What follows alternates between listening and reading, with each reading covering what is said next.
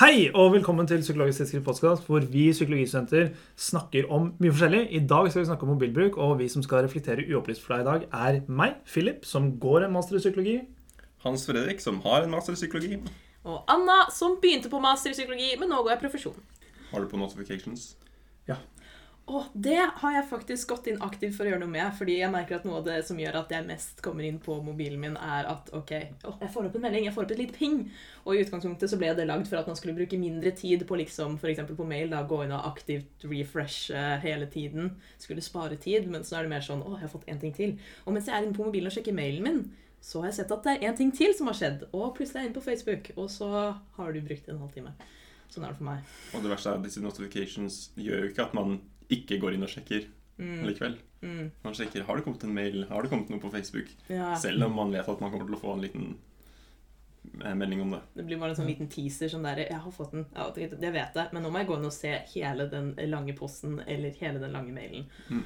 Og så har det gått såpass mye tid at du bare har prokrastinert. Ja. ja. Jeg eh, Det er ikke alltid jeg går inn og ser på tingen, men da pleier jeg å glemme den tingen.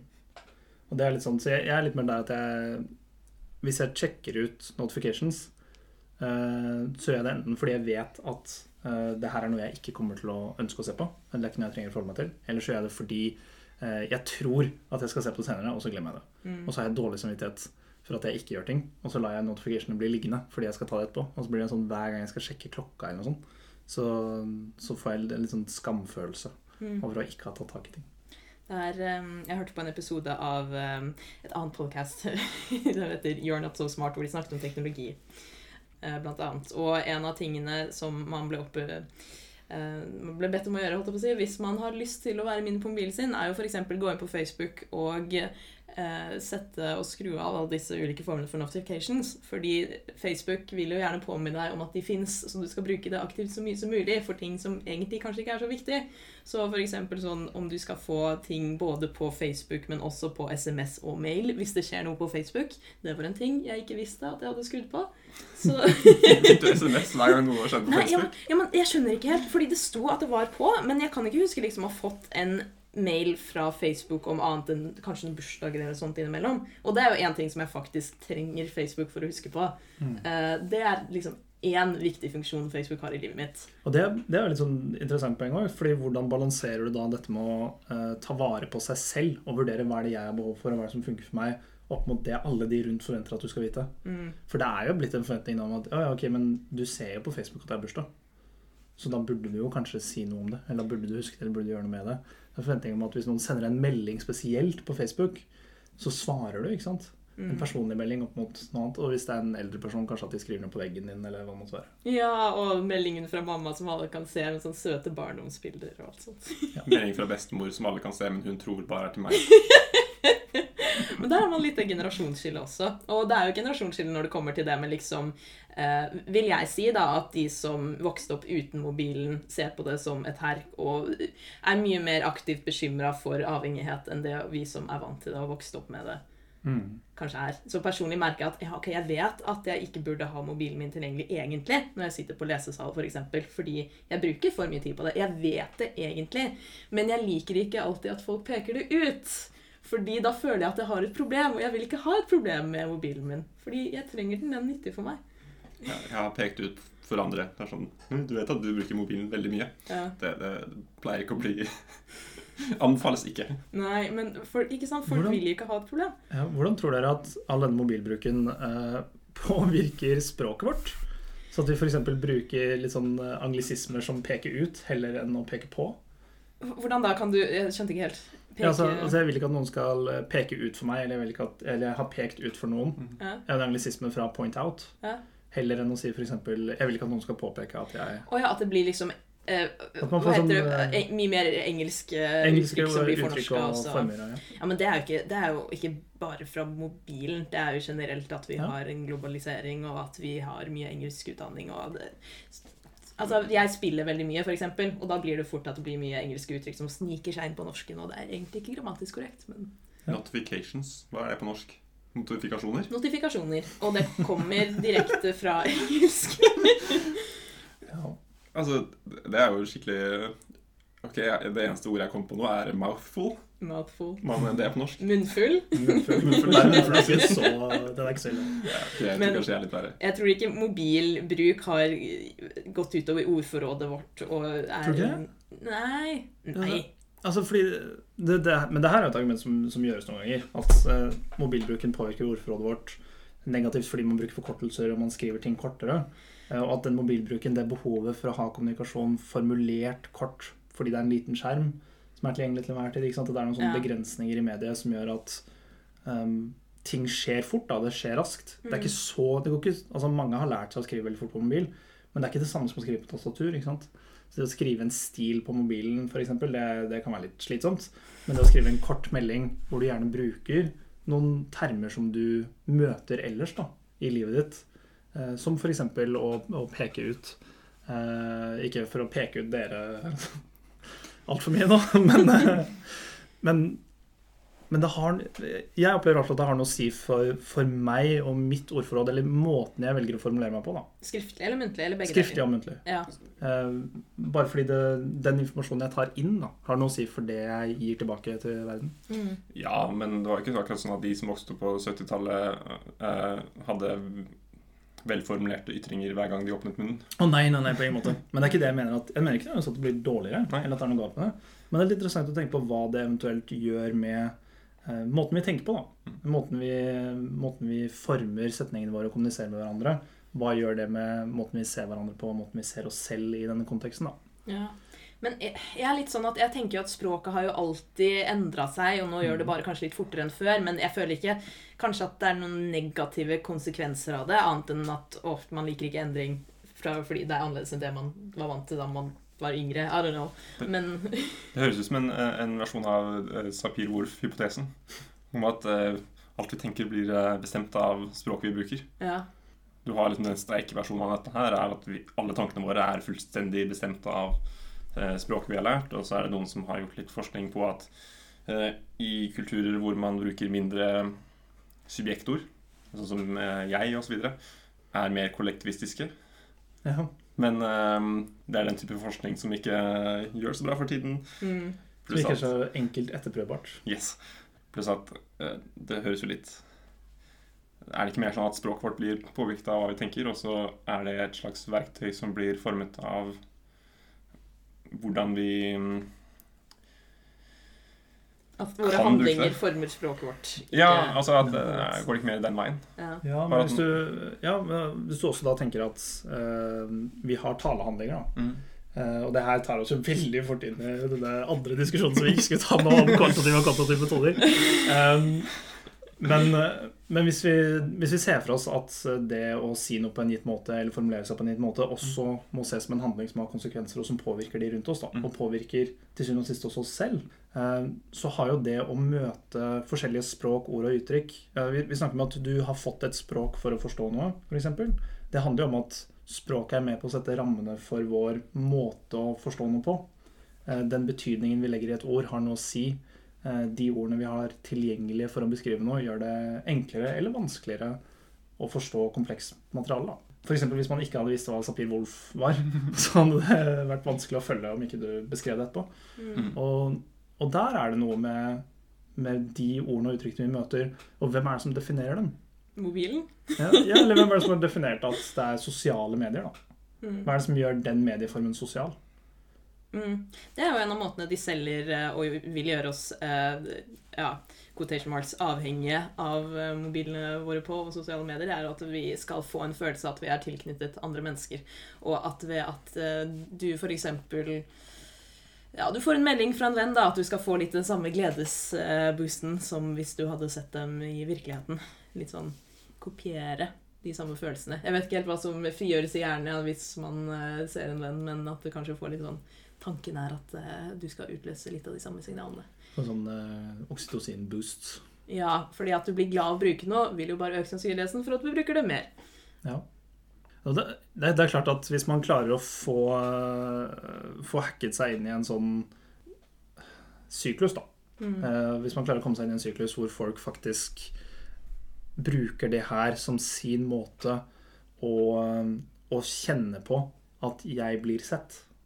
Og jeg ser noen andre, og dermed får den intimitetsfølelsen, ikke sant, Mm. som det her vennskapet og alt det her knytter seg sammen med, så vil jo det også da på motsatt side si at hvis man ikke føler seg sett, eller hvis man opplever ubehag, så blir det også noe man må gjøre, noe med. Mm. Fordi det som skjer på sosiale medier, det som skjer på Facebook eller Instagram, eller hva det måtte være, det er plutselig veldig viktig.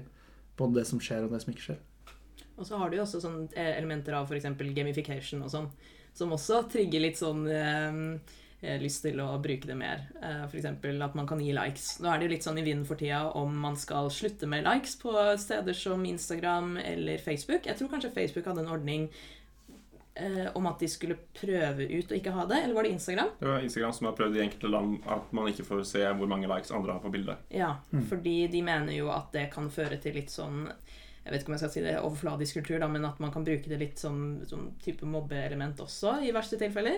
Det gjøres jo litt eksplisitt det som allerede har vært der, at det har vært litt eh, knuffing om uh, hierarkiet. Ja. Bare at når du har et tall på det, så blir det plutselig Det blir gamification av noe vi helst ikke vil uh, gjøre om til uh, et spill. ja, så vi vil helst ikke gjøre de sosiale forbindelsene til gamification hvor det blir en slags konkurranse, mener du? Nei. Ja, altså, ja vi presiserer at gamification må ikke være konkurransepreget heller. Altså, man kan jo gamify på en måte som gjør at du blir motivert for å være med fordi du får en sånn boost av å Mm. gjøre ting.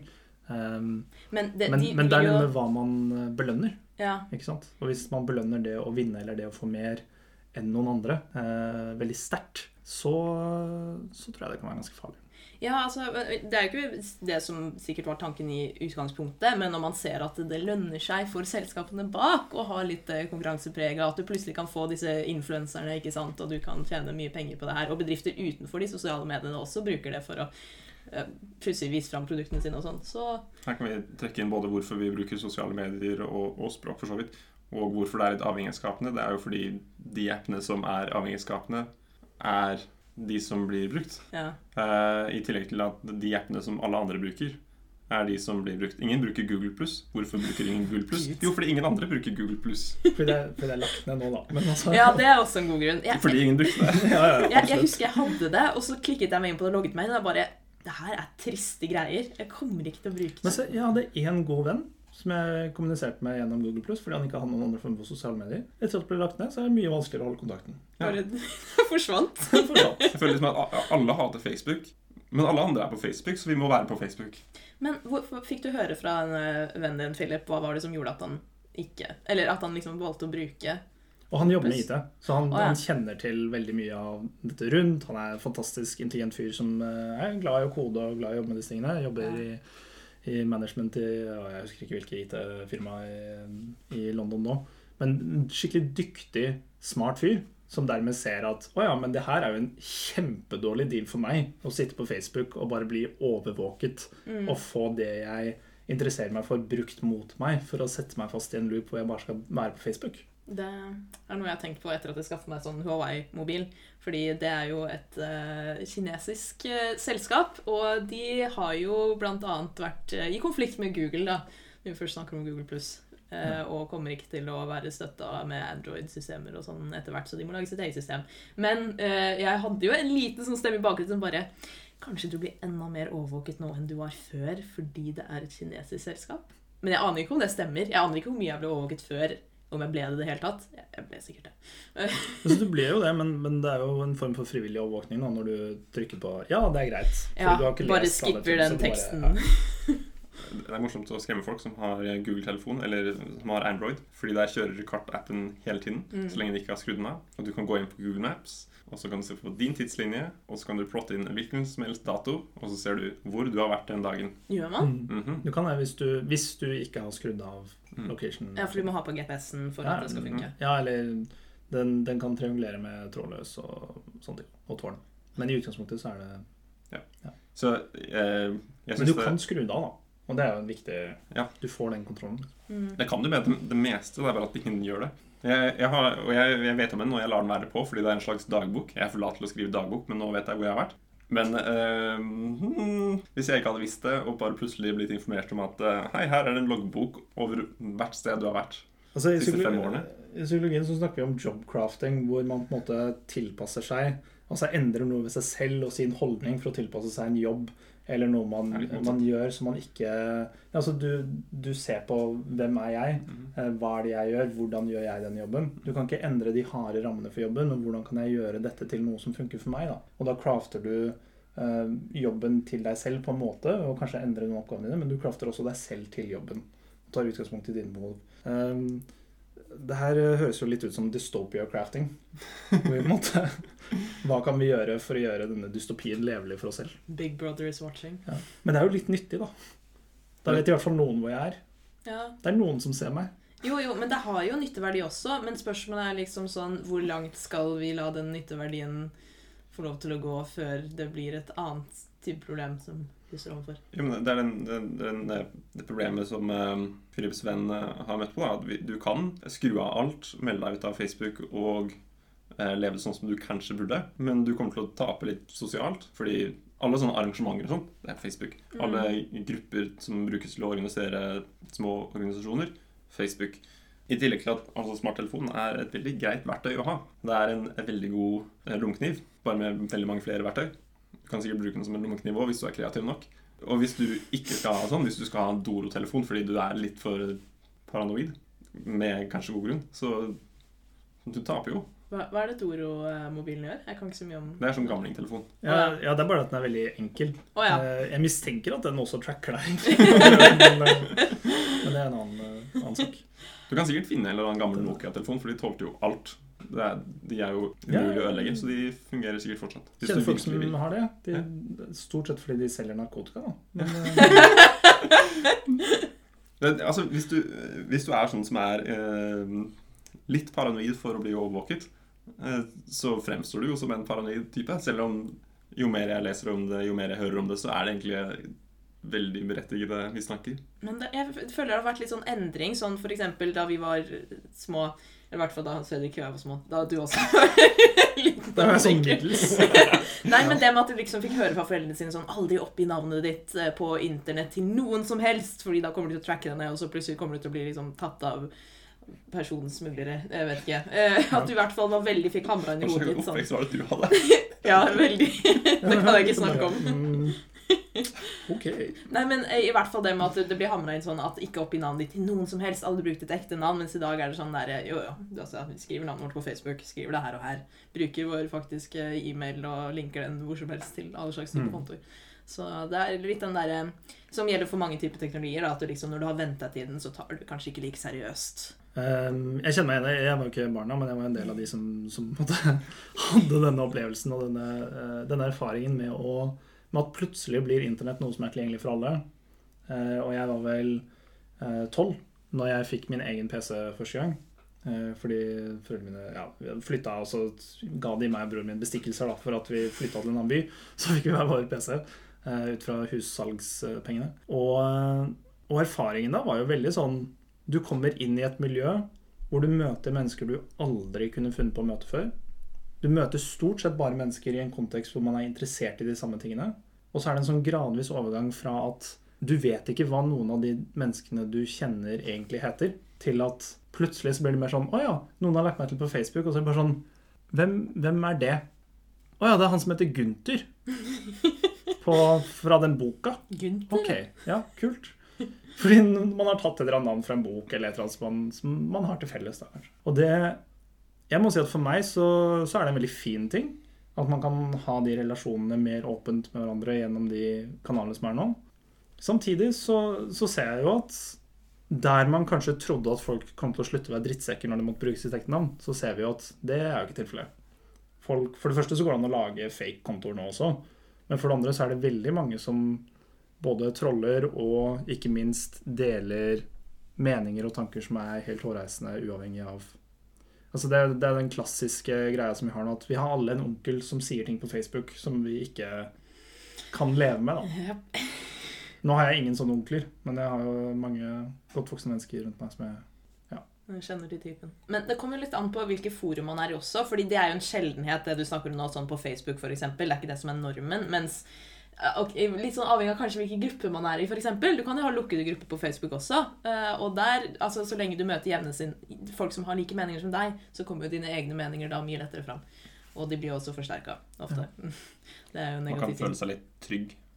Mm. Man ser at andre mener det samme. Ja, ikke så man uh, tenker at da er det helt greit å skrive dette på Facebook. Du får bekreftelsen Mm. på at Ei, det her er ikke jeg alene om. La oss stå samlet om jeg vet ikke, om enten det er for eller mot Trump eller Ja, hva altså- søren. Og da er vi inne i den loopen igjen, ikke sant? hvor Facebook gir deg både de som er enige med deg, og de du engager positivt med, som du gir likes til, og de som du er uenig med, som du kanskje engager negativt med, og legger inn kommentarer på. Eh, hvor du begynner å diskutere eller snakke om hvis noen har lagt ut noe som du bare Det her går jo ikke an å si. Det her, det her kan ikke få stå uimotsagt. Mm. Så kommer Facebook til å vise deg mer av det. Og jeg merker jo at en ting jeg har opplevd nå, og nå er vi på vei inn i en eksamenstid, tilfeldigvis, eh, er jo at for, det, for meg så, så er det såpass slitsomt etter hvert å gå, sitte og scrolle på Facebook. Fordi jeg ser så mange ting jeg burde tatt tak i, eller ting jeg burde gjort. Eller burde diskutert, eller burde liksom tatt opp den tråden og orket å ta tak i det nå. At jeg har begynt å legge det mer og mer vekk. Så det har fått en sånn paradoksal virkning med bare mm, Facebook-utbrenthet. Det er jo noen som har blitt pekt ut at det informasjonssamfunnet vi lever i, at det kanskje er en kilde til stress også. Fordi før i tida så fikk du ikke høre om det som skjedde på andre siden av kloden, eller andre steder i samme landet ditt engang. På ja, kanskje ikke noensinne, men at du i hvert fall ikke hørte i samme hastighet. og eh, det kan jo være positivt på én side å bli oppdatert kontinuerlig veldig fort på ting som skjer ute i verden. Hvis det er krise, f.eks. Sånn, nå er det f.eks. branner i Australia, da, og det hadde jeg ikke fått visst om hvis ikke vi hadde internett og jeg ikke så på Facebook på mobilen min eller på Instagram. Fordi jeg følger Leonardo DiCaprio. Han er veldig opptatt i alt som har med eh, miljøendringer og alt sånt å gjøre. Men eh, at det er en kilde til stress, da, det med at du får lære mer om kanskje ja, også positive nyheter, men med, mye mer negative nyheter også. Eh, og det er jo ofte det som genererer mye kommentarer, og da havner det øverst i Facebook-feeden din, og du ser det med en gang, da. Men du kan også se mye søte katter, som også genererer veldig mye. Det er vel mer at man blir desentisert til sånn type historier. Ja. Man blir litt sånn Ja, branner i Australia og California. Ja, nå igjen? Mm. Ja, ja, ok, det er bomber i Midtøsten. Ja, ok. Ja, ja. Men for meg så. Hvis jeg merker at det har blitt sånn desentisert, så er jo det liksom Det er ikke en behagelig følelse, det heller. For dette er noe jeg vil bry meg om, men jeg klarer det jo ikke. For det blir altfor mye informasjon. Mm. Det er altfor mye å forholde seg til. Skoleskyting i USA? Ja, nå igjen? Ikke sant? Mm. Ja. Det er jo et veldig godt eksempel. Og det er jo sikkert enda større effekt av det i USA på de som bor der. Og for å Mm. høre om det er enda jevnere enn det vi får. Og så det at du, du møter det negative fordi det er det som, som mediene er vant med. At ja, men det er det vi skal fortelle om. Mm. Gladhistoriene blir fyll. Det blir agurksaker som kommer når man ikke har noe annet å snakke om. Og nå er det nesten alltid noe annet å snakke om. Hva er det vi, hva er det vi tar med oss om uh, mobilbruk? ut av det her? Mobilbruk. At det er et nyttig verktøy. Um, men som med alle ting er det flere sider av saken. Som med alt ved psykologi, så ser du ting fra Det er komplekst og vanskelig, og vi har veldig få tydelige svar. Og vi vet egentlig ikke så veldig mye om effekten av det ennå. Det må longitudinelle studier til. More research is needed. Ja, det er den fineste setningen å avslutte enhver forskningsartikkel med. Vi har jo veldig mye bra overvåkningsdata. da. Ja, det har vi er sikkert også. Jeg skulle gjerne likt å se hva de har på meg. Du kan Du kan be om det. Kan man? Ja. Hvor? Bare gå inn på Facebook og sånn, for eksempel, så kan du be dem om å sende alt de har av data om deg pga. EU. Men sånn utover Facebook også, da, for eksempel i forhold til mobilen min. Ja, jeg har en Huawei-mobil. Kan jeg bare kontakte dem og bare Hei! Ja, det er GDPR, det. Min. Ja. Mm. Å, shit. Du kan, du, kan, eh, du kan ta kontakt med alle som har data uh, på vei. Og så er det pliktig til å logge. Jeg har alltid tenkt at er det- GDPR gjelder mer sånn uh, Ikke enkeltpersoner, men sånn organisasjoner, bedrifter, sånne ting. Men vi som enkeltpersoner har jo også en del rettigheter. Mm. Spesielt i Norge. Det er veldig godt. Til det du sa i stad om hva man involverer seg i på Facebook. Ja. Man, eh, man liker det positive man ser, men så driver man også og involverer seg med negative ting. Og Facebook lærer at uh, dette er du interessert i. Vi viser deg mer av dette. Og hvis vi gir deg en balanse Mm. av disse tingene, så fortsetter du. Slik algoritmen funker på Facebook, på YouTube, på eh, alle sånne plasser som må bruke en algoritme.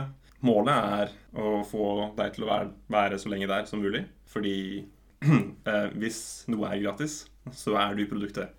Og her er eh, reklamesalg som regel produktet. Kan være andre ting. Dataene, f.eks. Men da vil algoritmen gjøre hva nå enn som trengs for å få deg til å være der så lenge som mulig. Som ikke er nødvendigvis det du vil, hvis eh, det som skal til, er å vise deg eh, onkler som skriver ting man vil ta tak i, så viser Facebook deg det.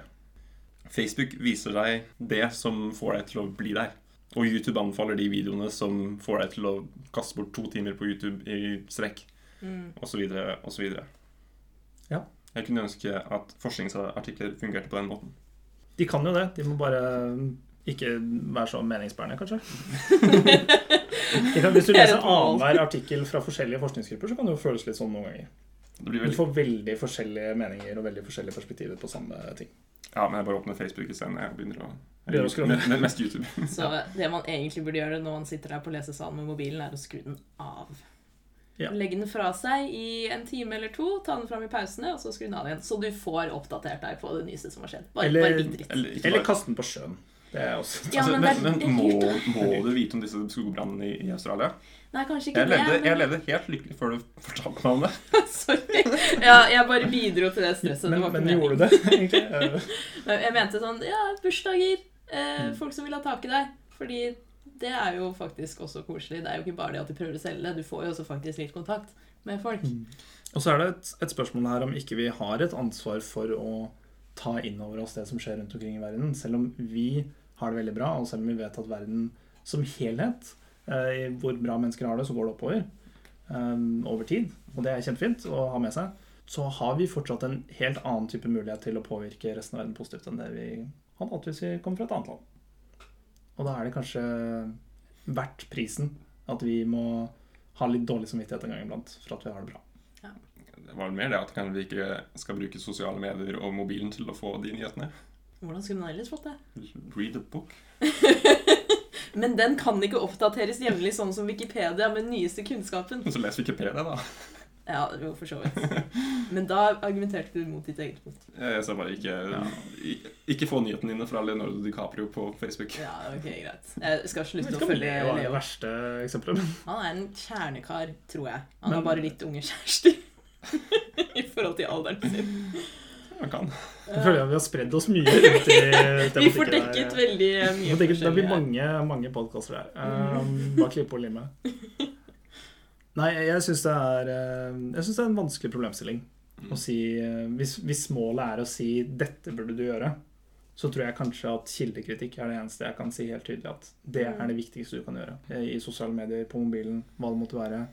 Eh, Ikke bare se på hvem som har sagt dette, se på hvem som har sagt det de refererer. Mm. Det er så mange tilfeller hvor du har en blogg som siterer en blogg som siterer en blogg som siterer en blogg, og du startet med et intervju som enten er feilsitert, eller det startet med en annen blogg og en mm. opinion piece som bare ikke egentlig sier noen ting. Da. Eller i eh, de verste tilfellene, føler jeg, så er det sånn liksom en, en nyhetsartikkel som siterer en annen nyhetsside, hvor nyheten har blitt generert derfra. Ja, nettopp. S- sirkelreferering, Ja, Mm. sirkelreferering. hvor den første artikkelen oppdaterer sånn at de siterer en artikkel som siterer dem. Mm. Ja ja, så går det på rundgang der. Yes. Ja, så Spørsmålet er jo hva som er målet. da. Er målet å kommunisere sannhet, eller er målet å holde folk lengst mulig der de er? Og målet er å holde oss lengst mulig der vi er. Skinnerbox. Skinnerbox? Skinnerbox. Ja. Siste poeng. Siste poeng. Ok. Okay. ja. Skinnerbox. Eh, det- det, er, jeg syns dette er skikkelig kult, for det er en av de første tingene jeg leste om psykologi som var en av de tingene som fikk meg til å begynne å studere psykologi. Så han Skinner-duden som eh, alle vet om, BF Skinner. BF Skinner. Så han hadde dur i et bur, og de eh, lærte hva de måtte gjøre for å få mat. Trykke på knapper, og så videre. Og så fikk de mat. Men hvis de får mat regelmessig, hver gang de trykker på knappen, så kommer de bare til å trykke når de er sultne. Hvis du derimot gir dem mat helt tilfeldig etter at du har lært dem å gjøre dette, så blir de overtroiske, og de trykker som gærne. De blir avhengig av å trykke på knappen, for de vet ikke om de får mat eller ikke. Og det er egentlig det mobilen gjør, hvis du sjekker mail eller nyheter eller Facebook hele tiden. Som regel så er det ikke noe, men noen ganger, noen ganger så er det stor overskrift, noen ganger så eh, er det noe interessant som skjer på Facebook, noen ganger så har det kommet en, en mail fra Jobb Norge. Men siden den gleden av å eh, oppdage at det faktisk har skjedd noe, er umulig å forutsi, så blir vi avhengige. Ja, Så vi liker det der elementet av uh, overraskelse. Nei, vi liker det ikke. Det bare fører til at vi oppfører oss som om vi er avhengige, holdt på å si. Ja. Når man ikke kan forutsi tidspunktet eller andre verdier rundt som sier om du har fått en melding, eh, så blir det såpass uforutsigbart at du må egentlig bare sjekke litt hele tiden. Mm. Du må liksom ta mobilen opp en gang iblant og bare se ah, er det kommet noe, nei. Og så er det jo, Jeg vet ikke om dere har opplevd dette, men eh, jeg har i hvert fall hatt det en del når jeg har noe mobil på vibrasjon. som jeg stort sett alltid har. Det får sånn fantomvibrering. Og det kan jeg okay. få også når jeg ikke har mobil i lomma i det hele tatt. så tror jeg at Å, nå vibrerte det. Og så bare Å ja, nei, den var ikke der. Nei, ok. Yes. Men, men det som er kult, er at hvis noe blir såpass forutsigbart, f.eks. For at hver gang du er inn på La oss si at du blir skikkelig populær. Så at hver gang du går inn på Instagram, eller noe sånt, så er det bare masse likes. Da sjekker du bare når du vil ha godfølelsen. Ja. Da trenger du ikke å sjekke konstant. Nei. Hvis, du, hvis hver gang du åpner mailboksen, så er det 20 uleste, nye uleste mail, da sjekker du ikke mail hele tiden.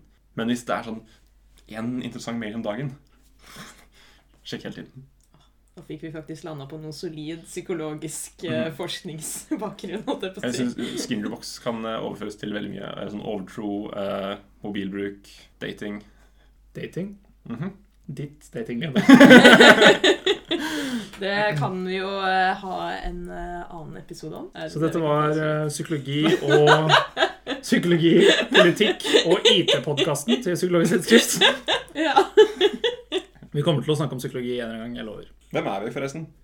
Vi er Anna Orvik Villberg. Hans Fredrik Sunde. og Philip Lutin-Jackson. Ja, psykologistudenter. Eller eks-psykologistudent i eh, ditt tilfelle, Hans Fredrik. Ish. Jeg tar et fag. Du tar ett fag. Ja, greit. Du Og tar et fag. eh, ja, det teller. Men uh, jeg er fortsatt ikke veldig opplyst. Fortsatt uopplyst. Det er bra hvis ikke alle får lov å være med. Um, Så vi er alle fra redaksjonen til Psykologisk tidsskrift. Det her er, og det vet du forhåpentligvis når du er her, Psykologisk tidsskrift sin nye podkast. Yeah. Yeah. Det kommer til å bli mye, mye mer etter hvert. Eh, vi holder det løst, men faglig. Og så ser vi hva som skjer. Reflektert, men ikke opplyst. Reflektert, men opplyst. Eller i hvert fall reflektere ned. Undrende. Undrende. Spørrende. Synsende. Synsende. Veldig synsende. Veldig synsende iblant. Mm. Men med godt faglig grunnlag for de tingene vi kommer med harde påstander om. Alt. Alltid. Som et annet, hvert annet tidsskrift. Psykologisk tidsskrift er et studentdrevet vitenskapelig tidsskrift finansiert av Psykologisk institutt ved NTNU. Og hvis du har lyst til å høre mer om hva Psykologisk tidsskrift gjør, eller lære mer om podkasten og hva som skjer fremover, gå inn på psykologisktidsskrift.no og les der. Tusen takk for oss. Nice. Det heter Institutt for psykologi.